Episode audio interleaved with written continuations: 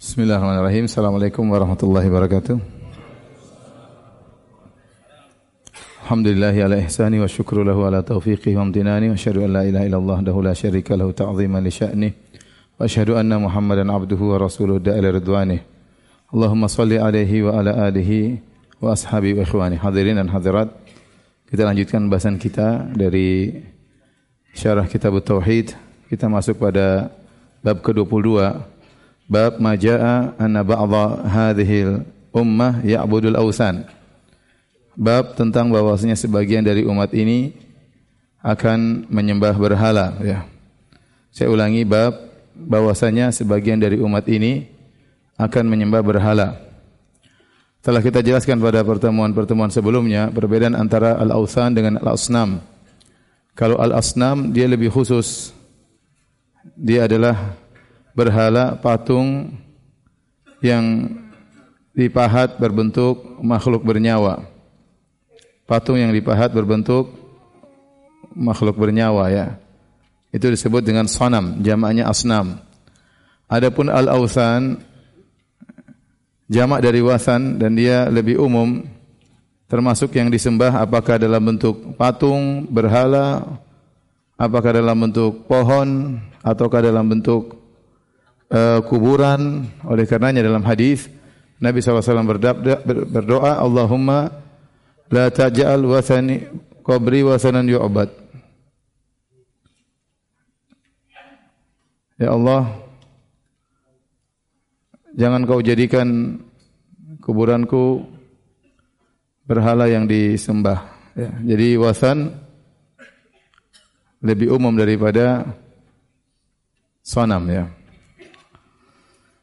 Baik hadirin yang dirahmati Allah Subhanahu wa taala, di sana ada tiga model manusia dalam masalah mengkafirkan kaum muslimin ada tiga model manusia.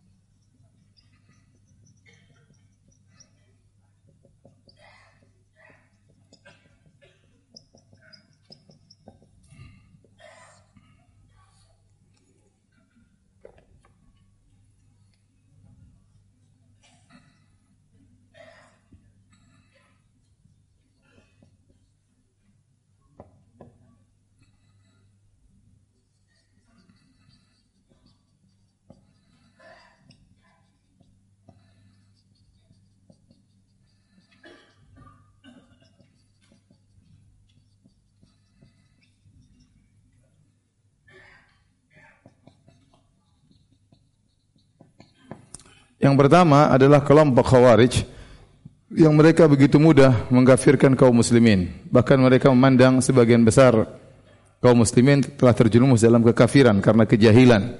Ya, dan kelompok-kelompok itu ya masih banyak sampai sekarang ya. Mereka menganggap kaum muslimin ya kufar. Banyak di antara mereka kafir. Entah karena mereka tidak mengkafirkan pemerintah sehingga dikafirkan atau karena sebab-sebab yang lain ya, sehingga dianggap Islam mereka tidak benar atau tidak berbaikat dengan imam mereka sehingga dianggap kafir ya. Kelompok-kelompok seperti ini masih uh, banyak ya. Baru semalam saya ditanya, ada seorang ikhwan yang ngaji, kemudian dia mau nikah, ternyata calon mertuanya itu ikut pergerakan ya. Yang mempersyaratkan kalau kau mau nikah dengan putri saya harus ulangi syahadatain. Harus ulangi syahadatain. Saya bilang ente ngaji kitab tauhid masih disuruh ulangi syahadatain. Kalau ngajinya ngawur-ngawur mungkinlah diragukan. Ini ngaji kitab tauhid ya, bantas ban, membantah berbagai macam kesyirikan masih disuruh ulang untuk mengucapkan apa? Syahadatain ya. Ada pemahaman seperti itu ya, yang menganggap sebagian kaum muslimin kafir tidak berbaikat dengan imamnya sehingga harta mereka halal dicuri sana dicuri sini. Dan ini terjadi. Jadi ini sikap mereka mengkafirkan mayoritas kaum muslimin.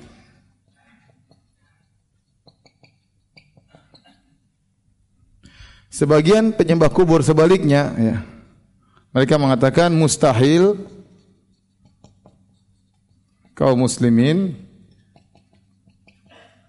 terjerumus dalam kesyirikan.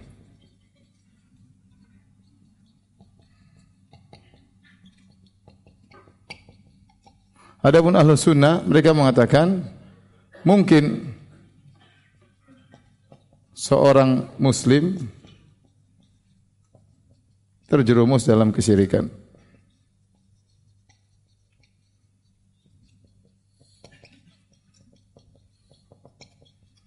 Maka mereka mengkafirkan yang berhak untuk dikafirkan untuk dikafirkan tentunya setelah iqamatul hujjah menegakkan hujjah dan izalatu syubhah menghilangkan syubhat.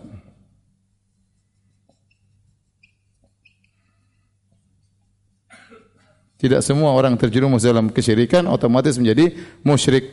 Tidak semua orang terjerumus dalam kafiran menjadi apa? Kafir. Untuk mengkafirkan ada syaratnya. Sedang dijelaskan oleh Taimiyah rahimahullah taala, iqamatul hujjah sama izalatu syubhat. Harus tegakkan hujjah dan menghilangkan syubhat. Dan satu perkataan Ibnu Taimiyah yang ma'ruf dia mengatakan, "Wa man dakhala fil Islam biyaqin la yuzalu anhu ya bisyak barang siapa yang masuk Islam dengan keyakinan mengucapkan asyhadu alla ilaha illallah rasulullah sudah yakin dia masuk Islam maka tidak bisa kita hilangkan nama Islam tersebut hanya dengan keraguan harus dengan keyakinan pula bahwasanya dia sudah kafir nah untuk meyakinkan dia kafir atau tidak harus menegakkan hujah dan menghilangkan syubhat yang ingin kita bahas adalah kelompok yang ini, sebagian penyembah kubur yang mereka juga minta-minta di kuburan. Di zaman Syekh Muhammad bin Abdul Wahab rahimahullahu taala, mereka menebarkan syubhat. Kata mereka, namanya orang-orang Islam tidak mungkin akan terjerumus dalam kesyirikan. Ya, dalilnya dalil mereka hadis dalam Sahih Muslim Rasulullah SAW bersabda, "Inna syaitan qad ayisa an ya'budahul musallun fi jaziratil Arab. Bahwasanya syaitan sudah menyesal atau putus asa, syaitan putus asa. Disembah oleh orang-orang yang sholat di jazirah Arab. Jadi mereka berdalil dengan hadis ini ya. Kata mereka sungguhnya syaitan telah putus asa untuk disembah oleh orang-orang yang salat di jazirah Arab. Ini dalam riwayat Muslim. Riwayat Tirmizi tanpa ada jazirah Arab. Bahwasanya syaitan putus asa disembah oleh orang-orang yang salat. Kalau begitu, sudah, kenapa ente yang mudah sekali mengkafir-kafirkan orang, mensyirik-syirikan orang, uang orang-orang yang minta kuburan mereka juga sholat. Mereka juga puasa, mereka juga sholat. Ya, orang-orang yang melakukan ini kedukun juga mereka sholat. Kenapa kalian mudah sekali memusyrik-musyrikan apa? Orang. Kenapa? Kata mereka, setan sudah putus asa disembah oleh orang-orang yang sholat. Dalam riwayat Tirmidzi tanpa Jaziratul Arab. Baik. Inilah kenapa Syekh Muhammad bin Wahab membuat bab ini, bab anna ma jaa anna ba'd hadhil ummah ya'budul awsan. Bab penjelasan bahwasanya sebagian umat ini akan menyembah berhala, artinya akan menyembah syaitan, artinya akan terjerumus dalam kesyirikan. Dibuat bab ini kata para ulama yang mensyarah bab ini, mereka mengatakan karena Syekh Muhammad bin Wahab ingin membantah golongan ini. Golongan para penyembah kuburan atau orang-orang yang melegalkan kesyirikan yang mereka lakukan yang mereka menganggap bahwasanya mereka tidak mungkin terjerumus dalam kesyirikan karena syaitan sudah putus putus asa. Baik, bagaimana kita membantah ini? Sudah belum saya mau hapus?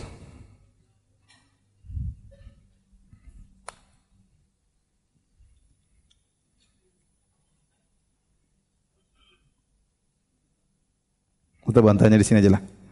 Bantahannya ya.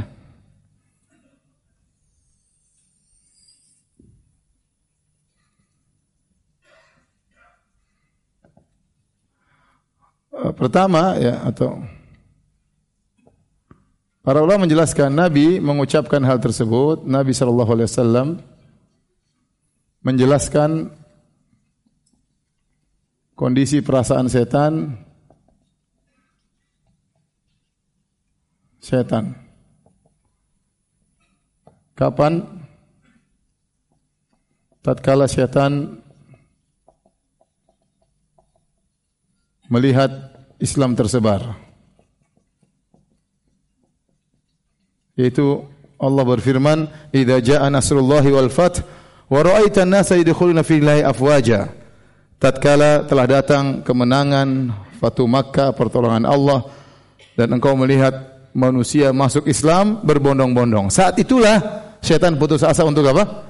Disembah. Waduh gagal saya. Kayaknya saya tidak bakalan disembah lagi ya. Dia putus asa. Tetapi apakah perasaan setan itu pasti benar? Oleh karenanya kita katakan bantahan yang kedua, orang-orang yang berdalil dengan hadis tersebut pada hakikatnya berdalil dengan perasaan setan.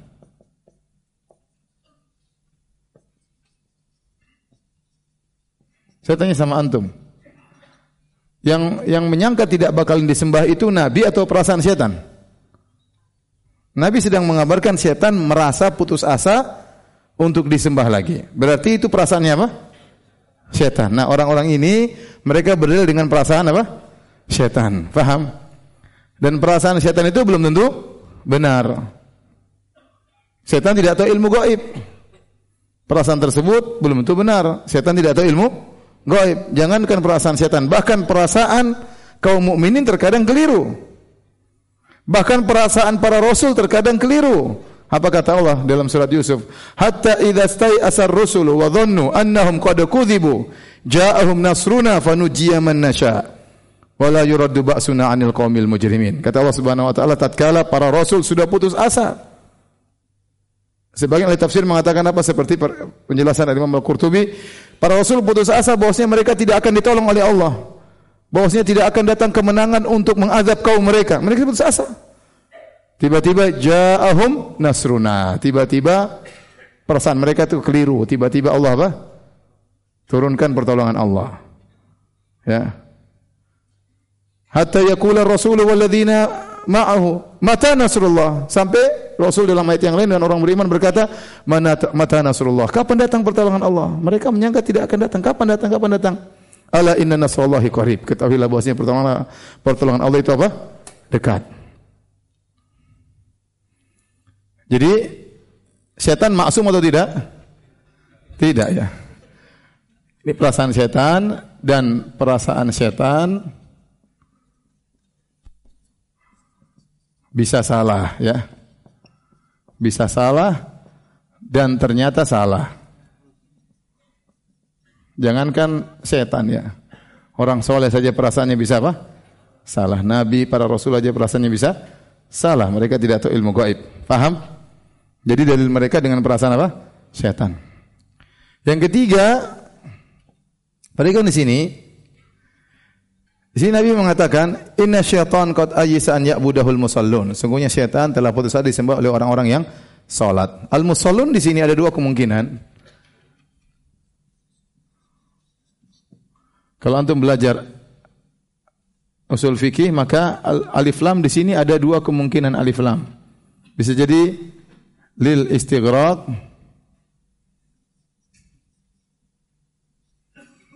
dan bisa jadi lil ahad. Kemungkinan besar adalah untuk lil ahad. Artinya kalau istighraq artinya setan putus asa untuk bisa menjadikan semua kaum muslimin menyembahnya. Tapi saya rasa bukan itu tujuan setan. Setan ya merasa orang-orang yang solat yang dia lihat tidak bakalan sembah dia lagi. Sehingga yang dimaksud dengan alif lam di sini lebih condong kepada lil ahad. Yaitu setan melihat orang-orang solat di zaman itu tidak bakalan lagi menyembah menyembahnya. Berarti orang-orang sholat ini orang-orang sholat tertentu. Orang-orang sholat tertentu.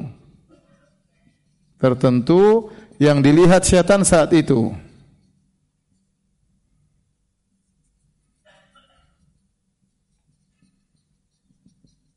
Dan ini mungkin karena yang dilihat oleh syaitan adalah para sahabat. Mungkin para setan wah sahabat kayak gini apa namanya? Begitu patuh kepada Nabi begitu semangat beribadah mereka nggak bakalan nyembah saya. Ya. Kalau kita maknakan kepada al-musallon sini adalah orang-orang salat khusus yang dilihat setan oleh pada waktu itu maka itu mungkin. Setan putus asa disembah oleh para sahabat. Mungkin. Yang keempat ya. Kenyataannya banyak yang murtad setelah wafatnya Nabi.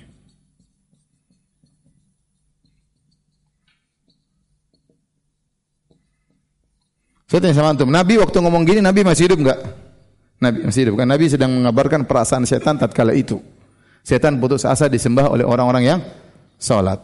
Ternyata setelah Nabi wafat, ya, banyak yang murtad. Di antaranya ya, munculnya nabi-nabi palsu yang muncul di zaman Nabi dan ada yang muncul setelah Nabi wafat dan para pengikutnya murtad bersama nabi-nabi tersebut. Contohnya nama Musailimah. Musailimah Al-Kadzab. Ada juga Al-Aswad Al-Anasi, Al-Aswad. Kemudian juga ada Tulaihah ada juga nabi perempuan apa nabi perempuan saya lupa namanya ya. Ya, Sujah ya, ya, Sujah. Itu juga nabi perempuan. Ini semua muncul Tuleha dan Sujah muncul setelah wafatnya Nabi SAW dan pengikut mereka ini puluhan ribu. Mereka ini semua murtad. Mereka menganggap ada nabi baru seperti Nabi Muhammad sallallahu alaihi wasallam, ya. Kata Musailimah, Muhammad nabi, saya juga nabi. Makanya dikirim surat wahai Muhammad, nanti kita bagi dua. Dunia ini kita bagi dua. ini menunjukkan ada yang murtad atau tidak setelah wafatnya Nabi? Ada banyak. Kemudian di zaman Abu Bakar. Di zaman Abu Bakar banyak yang murtad. Radhiyallahu anhu. Yang murtad tersebut di antaranya para pengikut Musailimah Al-Aswad Al-Anas dan yang lainnya, di antaranya orang-orang yang tidak mau bayar zakat. Ya, sampai pada derajat murtad mereka menentang wajibnya zakat. Akhirnya mau diperangi oleh siapa? Abu Bakar radhiyallahu taala anhu. Makanya Abu Bakar dikenal dengan punya jasa besar fi qitalil murtaddin dalam memerangi orang-orang yang murtad. Abu Bakar punya jasa yang besar. Makanya disebutkan Abu Bakar radhiyallahu anhu tidak sempat mengadakan salat tarawih berjamaah di Masjid Nabawi. Kenapa? Karena beliau sibuk mengembalikan stabilitas keamanan karena begitu Nabi meninggal sana ada yang murtad sana yang murtad sana yang murtad maka dia perangi beliau radhiyallahu anhu merangi mereka kemudian muncullah orang-orang zindik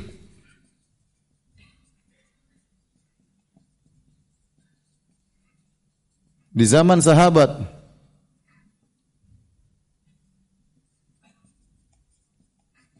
Contoh orang yang dibakar oleh Ali bin Abi Thalib. Mereka terlalu mengagungkan Ali bin Abi Thalib sehingga mereka yu'allihunahu, menganggap Ali sebagai Tuhan. Nah, Ali bin Abi Thalib ingatkan mereka, mereka tidak mau, mereka tetap menganggap Ali sebagai Tuhan. Akhirnya Ali radhiyallahu anhu menyuruh menggali parit, kemudian Ali membakar mereka hidup-hidup. Siapa mereka? Mereka murtad atau tidak? Murtad, menganggap Ali sebagai apa? Sebagai Tuhan. Mereka orang murtad semua penyembah syaitan. Ini muncul sebelumnya di zaman ya di zaman setelah wafatnya Nabi Shallallahu Alaihi Wasallam ya.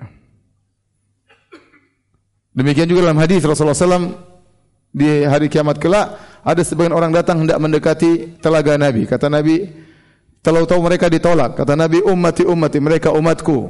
Maka dikatakan kepada Nabi, innaka la tadri ma ahdatsu ba'da, kau tidak tahu apa yang mereka lakukan setelah engkau meninggal.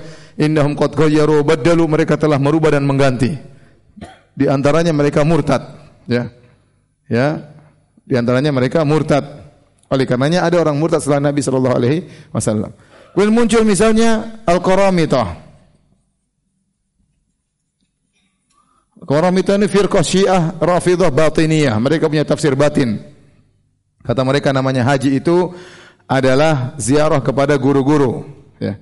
Adapun puasa imsak artinya menahan rahasia, bukan menahan makan dan minum, ya.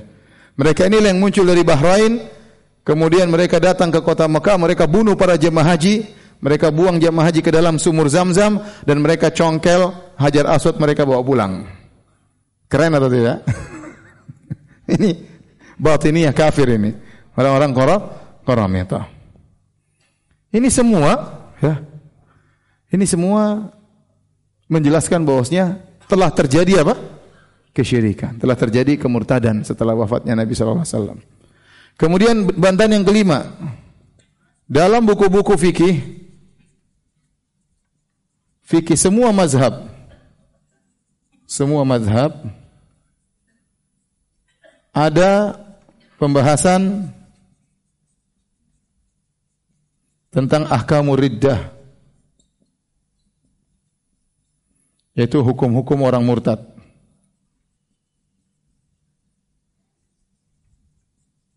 Saya tanya sama antum, tatkala para ulama empat mazhab semuanya membahas tentang hukum-hukum orang yang murtad, berarti mungkin nggak ada orang yang murtad?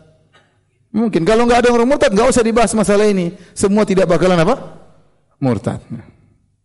Dan kita bilang kenyataannya banyak orang murtad. Kata Nabi, man baddala dinahu. Kata Nabi, barang siapa yang kalian dapati merubah agamanya, maka bunuhlah. Ini sabda Nabi SAW.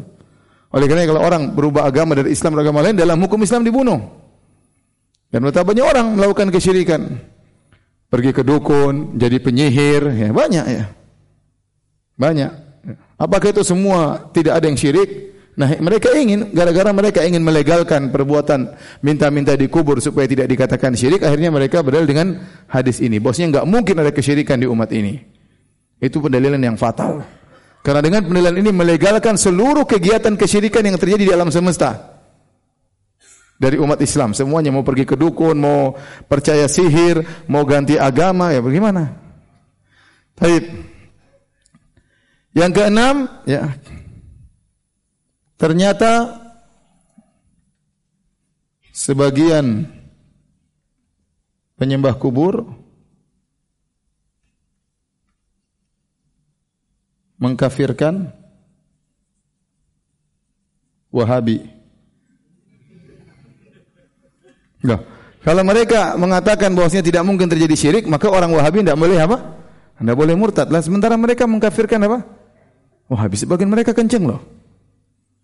Bahkan saya kemarin ke suatu negara, negara sampai di sana saya ngisi pengajian ada yang mengatakan Ustadz di sini sebagian mufti berfatwa tidak boleh solat solat di belakang Wahabi tidak sah.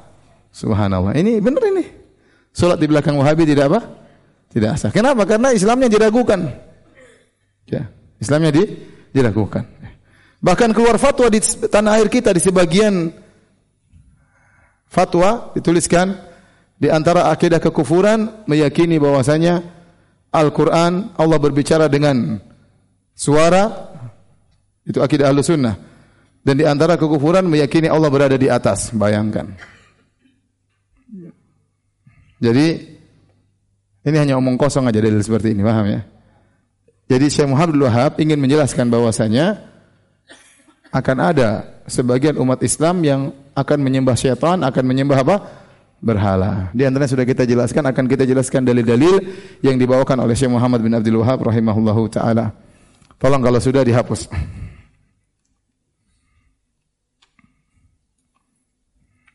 Biar, biar difoto dulu. Sudah difoto? Hah? Antum enggak beri di sini ya, sekalian difoto.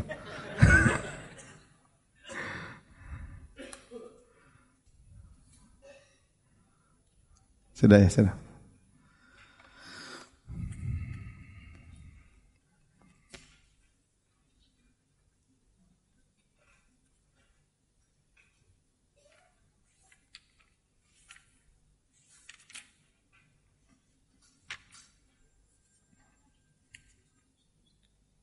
Sudah, sudah. Kalau sudah, hapus.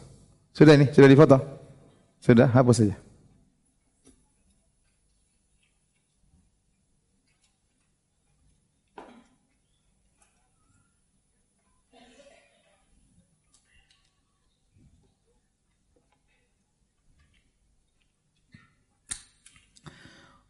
Tayyib. Pembahasan kita bab ma jaa anna ba'd hadhihi al-ummah sayabudul awsan. bab bahwasanya sebagian umat ini akan berbuat kesyirikan, akan menyembah berhala. Maka Syekh Muhammad Wahab akan berdalil dengan ayat-ayat yang banyak dan juga hadis-hadis. Ya, namun sebelum kita menyebutkan ayat-ayat tersebut, kita loncat kepada hadis karena hadis ini penting sebelum kita menjelaskan ayat-ayat yang disebutkan oleh Syekh Abdul Wahab rahimahullah taala. Syekh Muhammad bin Abdul Wahab rahimahullah taala menyebutkan di antara dalil-dalil bahwasanya umat ini akan menyembah berhala terjun dalam kesyirikan adalah hadis An Abi Sa'id Al-Khudri radhiyallahu anhu. Dia dalam buku loncat beberapa ayat langsung ketemu hadis ya. An Abi Sa'id radhiyallahu anhu dari Abu Sa'id Al-Khudri radhiyallahu anhu anna Rasulullah sallallahu alaihi wasallam Rasulullah sallallahu bersabda La tattabi'unna sanana man kana qablakum. Sungguh kalian benar-benar akan mengikuti jalan-jalannya orang-orang sebelum kalian. Hadzwal kudzati bil kudzah. Dalam riwayat shibran shibran dhira'an bi dhira'in. Shibran shibran itu bukan berarti sehasta demi sehasta, tidak ya. Tapi maksudnya sama persis. Shibran shibran sama persis. Zira'an bi zira'in artinya sama persis antara persis. Jadi sebagian orang salah terjemah. Mereka mengatakan bahwasanya akan mengikuti umat terdahulu sehasta demi sehasta, se apa? Sejengkal demi sejengkal, sehasta demi sehasta. Bukan begitu maksudnya. Tapi shibran shibran zira'an zira'an maksudnya sama persis. Dalam riwayat yang lain hadzal kudzati bil kudzah. Sebagaimana samanya antara al-kudzah dengan al-kudzah. Al-kudzah itu adalah uh, anak panah, kalau seorang buat anak panah, setelah anak panah diruncingkan dia bikin rishah yaitu semacam bulu di kanan kirinya, sayapnya, kanan dan kirinya, supaya bisa seimbang dan bisa lurus tepat mengenai sasaran. Nah, sayap kanan sayap kiri ini itu harus sama ya. Ini kan apa namanya anak panah. Nah, sebelah sini ada apa namanya? Sayapnya ini ya. Ini harus sama antara kanan dan kiri. Kalau tidak sama maka tidak seimbang. Nah, kata Nabi SAW, kalian akan mengikuti umat-umat terdahulu jalan-jalan mereka sebagaimana samanya sayap kanan dan sayap kiri. Persis tidak ada bedanya. Kata Nabi, hatta lau dakhalu juhra dhabbin la. Bahkan kalau mereka masuk dalam bulang, dalam lubang dhab, kalian akan mengikutinya. Qalu ya Rasulullah, al-yahud wan nasara Kata para sahabat, "Ya Rasulullah, apakah orang-orang yang akan diikuti oleh kaum muslimin adalah Yahudi Nasrani?" Qala faman. Kata Nabi, siapa lagi kalau bukan mereka? Hadis ini hadis diriwayatkan oleh Abu Sa'id Al-Khudri dan Abu Hurairah ya radhiyallahu anhu dalam Sahih Bukhari Sahih Muslim datang dalam berbagai lafal tapi intinya demikian. Nabi SAW mengatakan la tattabi'unna la tattabi'unna itu takdirnya wallahi la tattabi'unna ya. Ini bahasa Arab ya.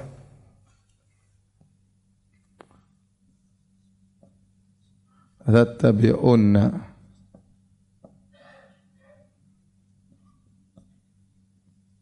Di sini kata para ulama ada tiga penekanan. Ini lam namanya lam al-waqi'ah ba'da jawabil qasam. Ya. Lam al-waqi'ah ba'da al-qasam. Lam yang didatangkan setelah ada sumpah. Berarti di sini ada sumpah yang ditakdirkan. Wallahi. Kemudian namanya nun taukid. Nun at-taukid. Jadi dalam dalam lafal ini ada tiga penekanan. Pertama Nabi berkata, demi Allah. Lam sendiri artinya sungguh-sungguh. Sungguh. Nun taukid juga artinya sungguh-sungguh. Jadi Demi Allah, sungguh-sungguh kalian benar-benar akan mengikuti dengan sungguh-sungguh. Jadi kalau kita artikan demi Allah, sungguh-sungguh, benar-benar. Jadi ada berapa penekanan? Tiga penekanan. Sampai Nabi bersumpah. Artinya Nabi menjelaskan bahwasanya benar-benar akan terjadi bentuk mengikuti orang-orang sebelum kalian. Kata Nabi SAW, La tattabi'unna sanana man kana qablakum. Sanan uh, sanan ya. Di sini ada ada di sunan dan ada sanan. Kalau sunan kalau sunan jamak dari sunnah. Jamak dari apa? Sunnah. Yang artinya jalan atau tariqah. Metode ya. Kalau sanan sama, artinya juga apa? Torekoh. Jalan. Jadi maknanya mirip-mirip ya. Apa dibaca sanan atau sunan? Artinya sungguh kalian akan mengikuti jalan-jalan, langkah-langkah orang-orang sebelum kalian. Sama persis. Tidak ada bedanya. Sampai kata Nabi, hadzal kudzati bil kudzah. Sebagaimana samanya sayap kanan, sayap kiri, tatkala di sebuah anak panah. Dan seorang yang buat anak panah, dia harus bikin sayapnya sama. Kalau tidak, maka tidak seimbang. Sehingga kalau kita putar anak panah tersebut, kita bingung tadi yang mana, yang kanan, yang kiri tadi yang mana, bingung. Karena saking samanya antara yang kanan dengan yang yang kiri. Persis sama persis. Kemudian kata Nabi SAW, Hatta lau dakhalu juhru dabbin. Bahkan kalau mereka masuk dalam lubang dob. Lubang dob itu dob itu apa? Kadal pada kadal padang pasir ya. Bukan biawak. Kalau biawak haram dimakan ya. Ya, dan ini repot sebagian orang, ya biawak padang pasir lah. sebagian orang terjemah ini kejadian di dalam kitab Bulughul Maram disebutkan Nabi makan apa? Dhab. Diterjemahkan makan biawak. Sunnah makan biawak. Biawak diambil kemudian dimakan. Padahal biawak itu karnivora. Dia makan apa? Daging. Dia buas. Dia makan tikus, dia makan ayam. Kalau bob enggak. Kalau bob enggak. Oleh karenanya bob itu kadal padang pasir. Dia lebih keren daripada kadal Nusantara. Jadi bob itu boleh dia halal untuk dimakan ya. Nah, Kenapa Nabi menyebutkan lubang dop secara khusus? Nabi tidak sebutkan lubang buaya ya. Mungkin nggak ada buaya di sana ya. Kemudian Nabi tidak mengubah lubang ular. Kan banyak hewan-hewan punya lubang. Banyak hewan-hewan punya lubang. Ular punya lubang, hewan ini punya lubang, hewan ini punya lubang. Kenapa Nabi menyebutkan lubang dop secara khusus? Wallah alam sebagian orang berusaha mencari hikmahnya. Kata mereka, lubang dop itu istimewa. Lubang dop istimewa. Keistimewaannya pertama lubangnya berliku-liku.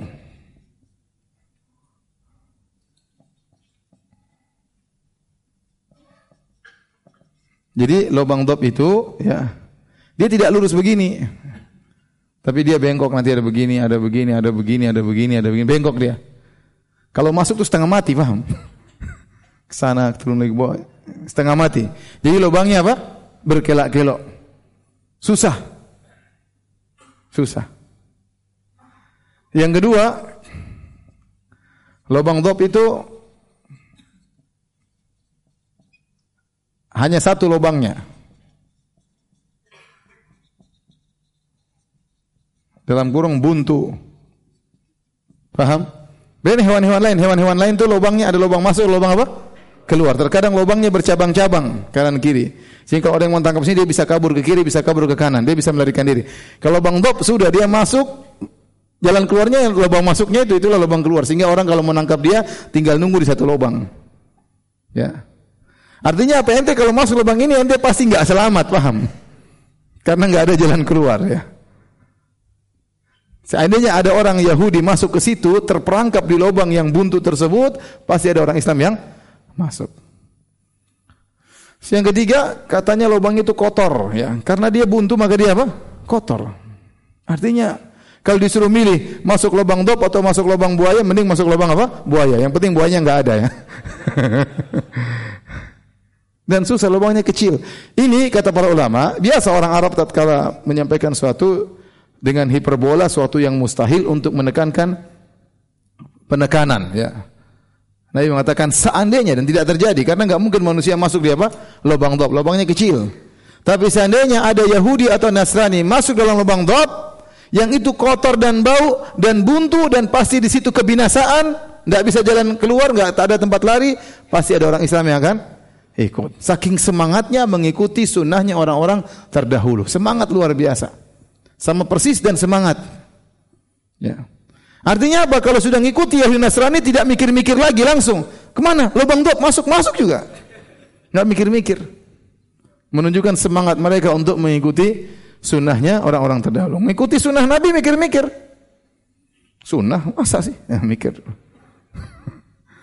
Kalau ngikuti orang Yahudi Nasrani, semua diikutin. Model baju, akidahnya diikutin, ya, ibadahnya diikutin, Makanya dikatakan kalau ada yang dilakukan oleh Yahudi Nasrani pasti ada umat Islam yang pernah mengikuti atau bakalan mengikuti suatu saat. Sampai orang Nasrani yang meyakini bahwasanya Allah bersatu dengan Nabi Isa ternyata muncul akidah wahdatul wujud bukan cuma Tuhan bersatu dengan Nabi Isa, ini masih mending. Tuhan bersatu dengan seluruh makhluk wahdatul wujud. Lebih parah daripada akidah Nasrani. Dan kita lihat ya, apalagi kalau kita sudah. Jadi mereka ikuti dalam sisi ibadat, dalam sisi akidah ya. Kemudian dalam sisi adat istiadat, dalam sisi model-model fashion ya. Sampai Nabi SAW menyebut dalam riwayat,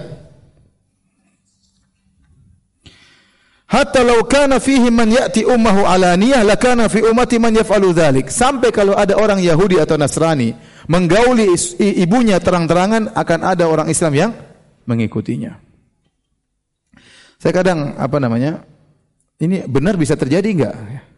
Tapi bisa. Sekarang banyak media orang bisa nonton macam-macam. Semua sampah-sampah ada di internet. Bisa jadi seorang bergaul dengan orang tuanya sendiri kemudian dimasukkan di internet. Bisa jadi seorang bergaul dengan kakak dan adiknya dimasukkan di internet. Orang yang nonton bisa niru-niru, ya tidak. Dan yang nonton banyak orang Islam. Maka di sini sangat mungkin zaman sekarang. Sangat mungkin. Sampah yang mereka lihat mereka ikuti akhirnya sampah-sampah tersebut. Waliyadzubillah ya. Oleh karenanya semua kalau ada orang Yahudi berjalan kemudian sebelahnya rambutnya panjang, sebelahnya botak, pasti ada orang Islam yang ikut. Ini tidak perlu tanya-tanya ya. Wah keren, Pak. Saya pas pergi di ngisi pengajian di di mana? Di Qatar dari dari Oman saya dari Qatar saya mampir di bandara. Bandara Qatar atau bandara Oman saya lupa bandara Qatar. Kemudian di situ banyak orang-orang asing.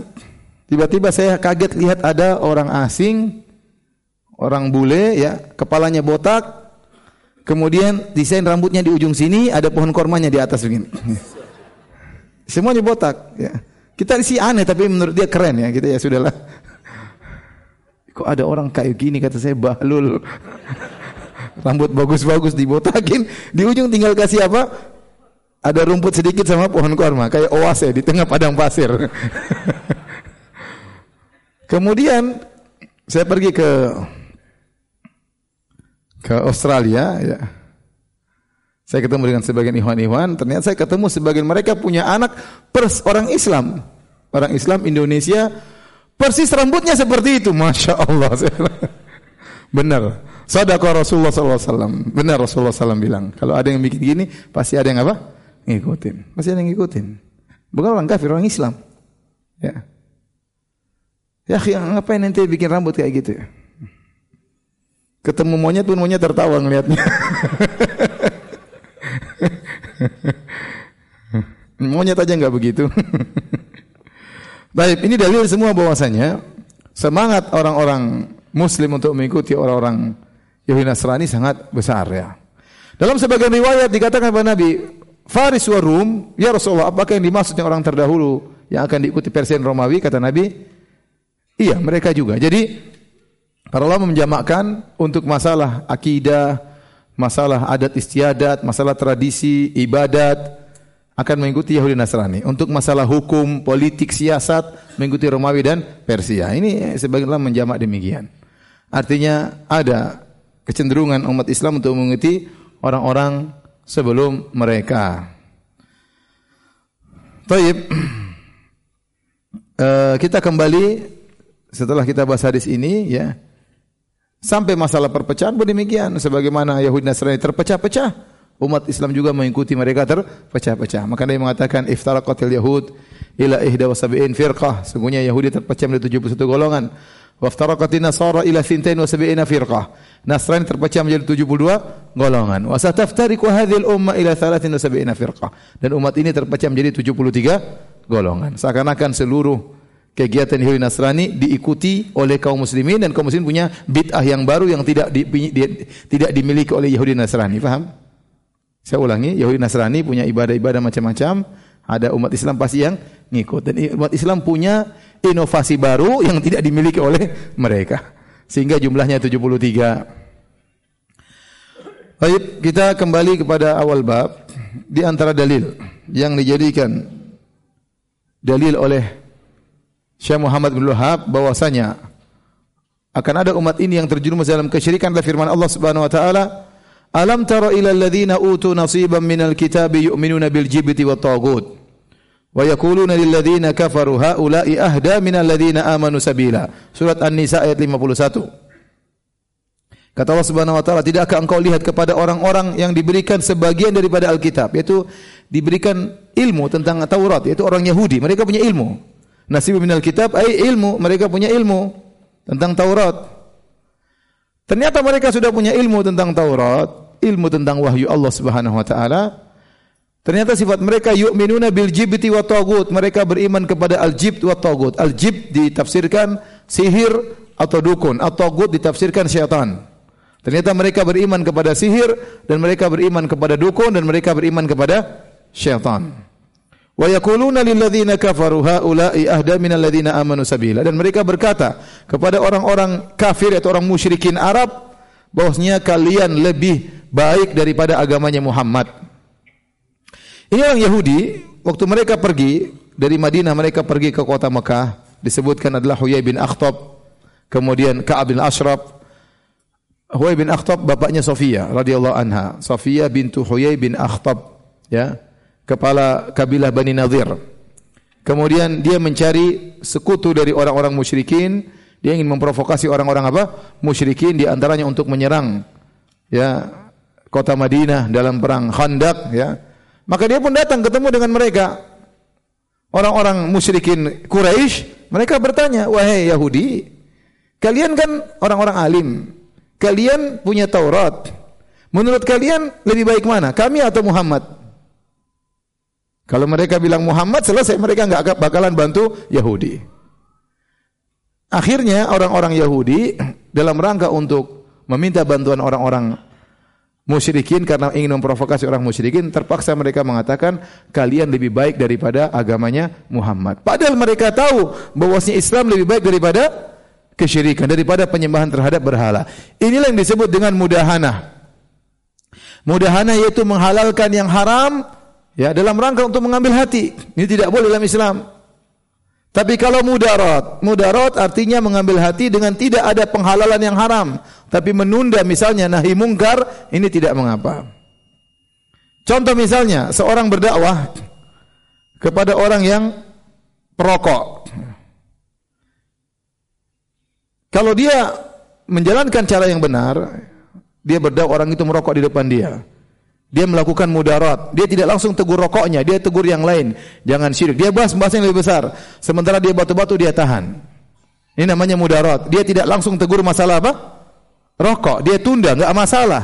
Karena ada masalah yang dia inginkan. Dia harus menjelaskan perkara yang lebih besar. Orang ini terjerumus dalam rokok, terjerumus dalam kesyirikan. Maka yang dia bahas dulu adalah masalah apa?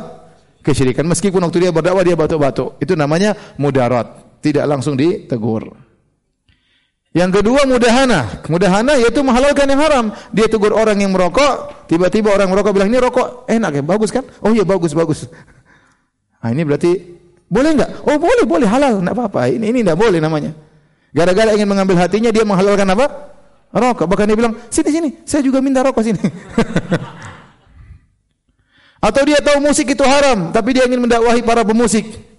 Maka dia datang ke situ, dia ikut main gitar, ikut main piano. Dalam apa? Saya ingin berdakwah. Ini enggak boleh. Atau dia ingin mendakwahi para peminum khamar, maka dia gaul dengan mereka. Enggak mungkin kita dakwahi mereka gaul dulu. Gaul minum khamar juga. Ini enggak boleh. Ini namanya mudahana menghalalkan yang apa? Yang haram ini dilarang dalam Islam. Tapi silakan azan dulu.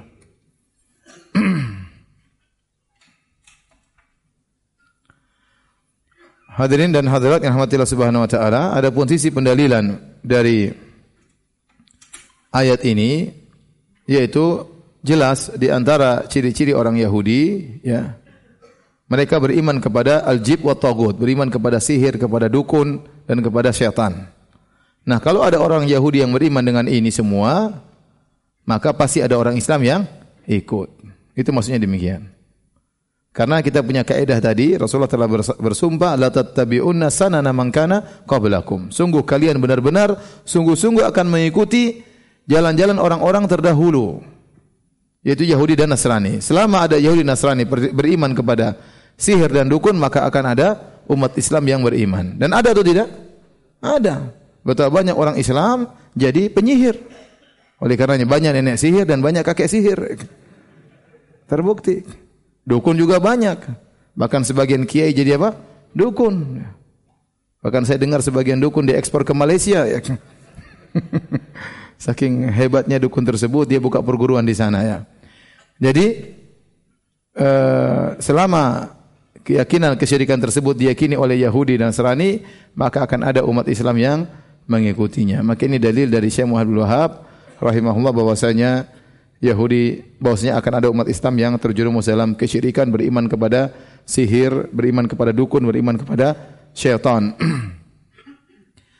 Uh, dan ini juga peringatan kepada kita bahwasanya seorang punya ilmu belum tentu dia selamat. Lihatlah orang-orang Yahudi utu nasibam minal kitab, diberikan sebagian ilmu dan mereka punya ilmu, namun mereka tidak mengamalkan ilmu yang mereka miliki ya. Justru mereka tersesat di atas ilmu. Makanya mereka disifati dengan al-maghdub alaihim yaitu yang dimurkai oleh Allah Subhanahu wa taala. Kenapa dimurkai? Karena mereka sudah punya ilmu namun mereka tidak mengamalkan ilmu mereka. Demikian saja insyaallah kita lanjutkan pekan depan uh, pembahasannya. Kita jawab pertanyaan yang masuk.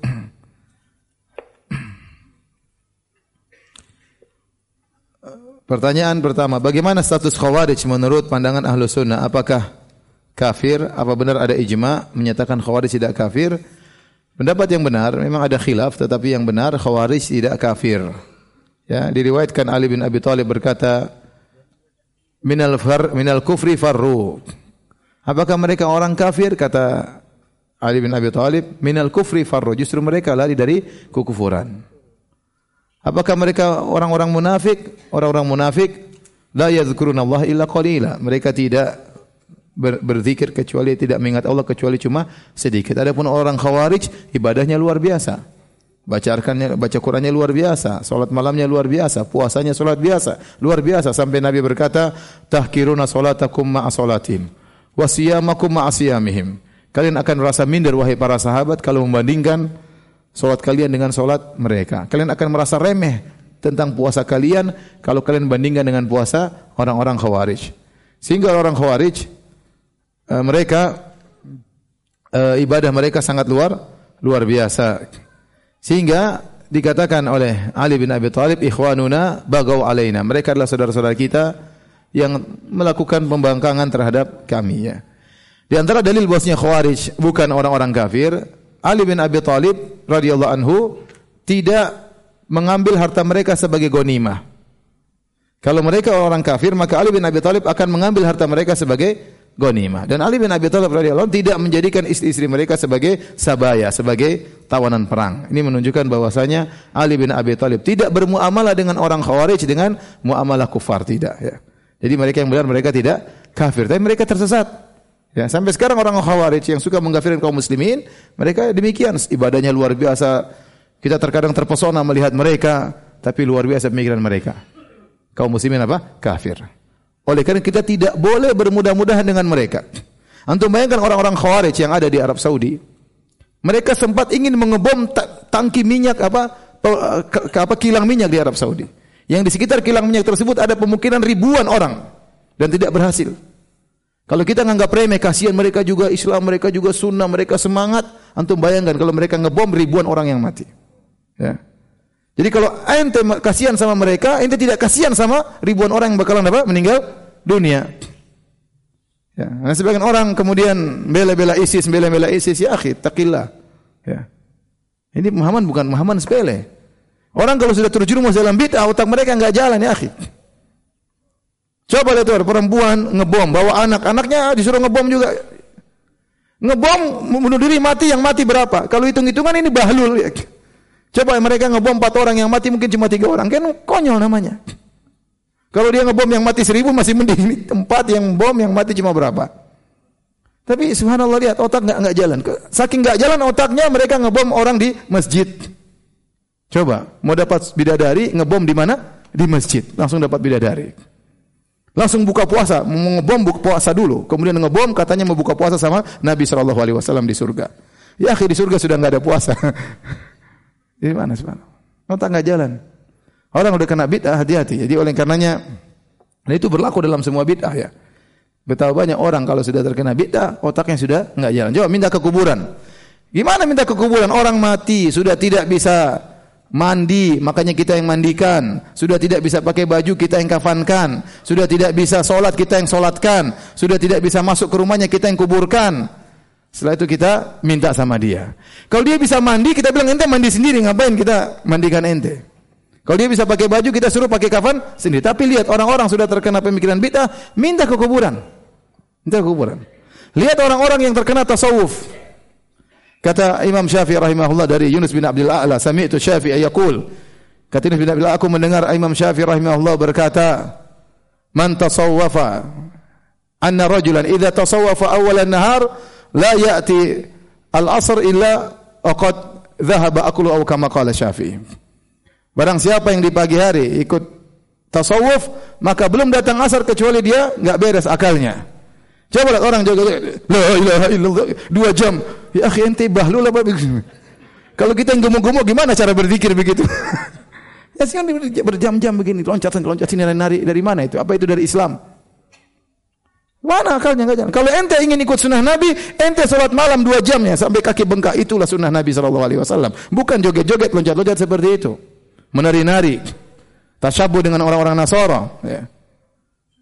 Karena ikhwan hati-hati. Kita berusaha terus berada berada di atas manhaj salaf. Ya jangan terpengaruh dengan bid'ah jangan terpedaya dengan perkataan-perkataan mereka. Ada syubhat tinggalkan jauhi. Jangan coba-coba dengar syubhat. Hati itu lemah. Ya. Al qulub dhaifah wa syubhat khattafah hati itu lemah dan syubhat menyabar-nyabar demikian saja kajian kita. Wabillahi taufik wal hidayah. Assalamualaikum warahmatullahi wabarakatuh